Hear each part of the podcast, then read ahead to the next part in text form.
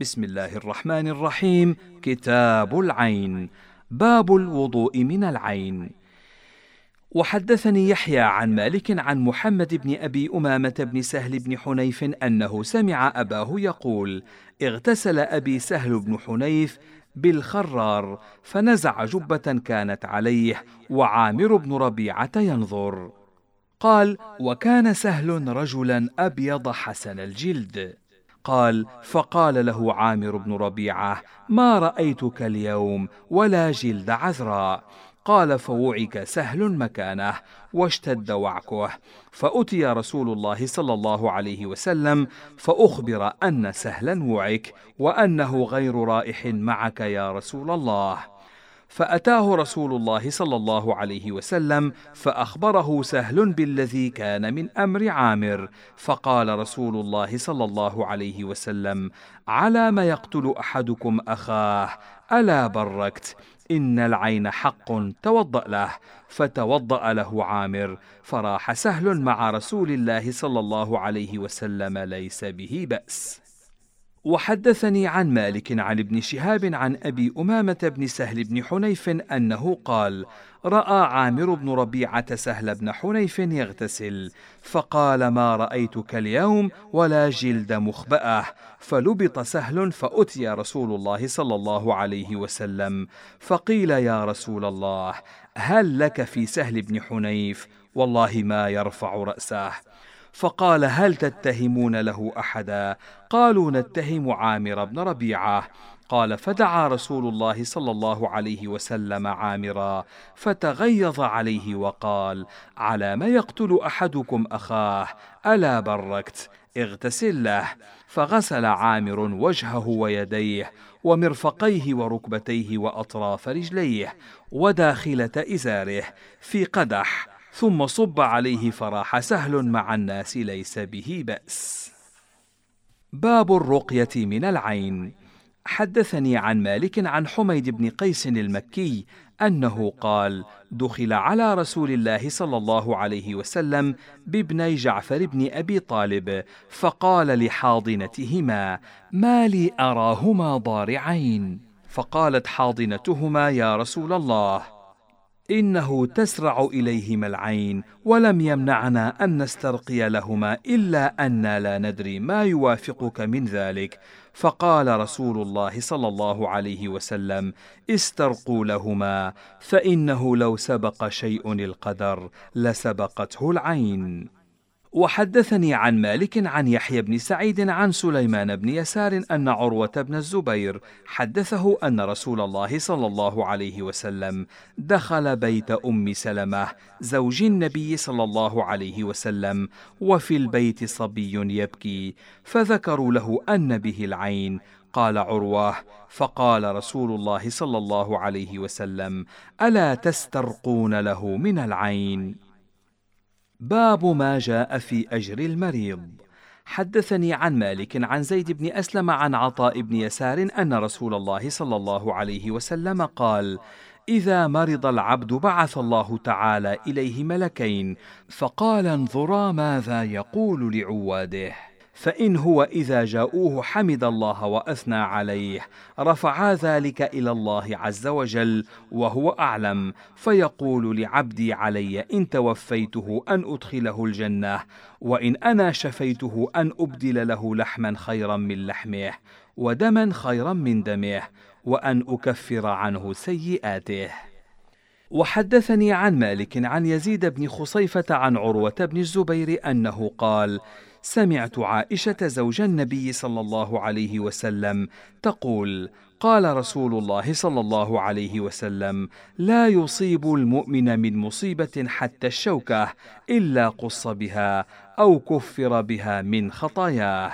لا يدري يزيد أيهما قال عروة. وحدثني عن مالك عن محمد بن عبد الله بن أبي صعصعة أنه قال سمعت أبا الحباب سعيد بن يسار يقول سمعت أبا هريرة يقول قال رسول الله صلى الله عليه وسلم من يرد الله به خيرا يصب منه. وحدثني عن مالك عن يحيى بن سعيد أن رجلا جاءه الموت في زمان رسول الله صلى الله عليه وسلم فقال رجل هنيئا له مات ولم يبتل بمرض. فقال رسول الله صلى الله عليه وسلم ويحك وما يدريك لو أن الله ابتلاه بمرض يكفر به عنه من سيئاته. باب التعوذ والرقية من المرض. حدثني عن مالك عن يزيد بن خصيفة أن عمرو بن عبد الله بن كعب السلمي أخبره أن نافع بن جبير أخبره عن عثمان بن أبي العاص أنه أتى رسول الله صلى الله عليه وسلم. قال عثمان وبي وجع قد كان يهلكني.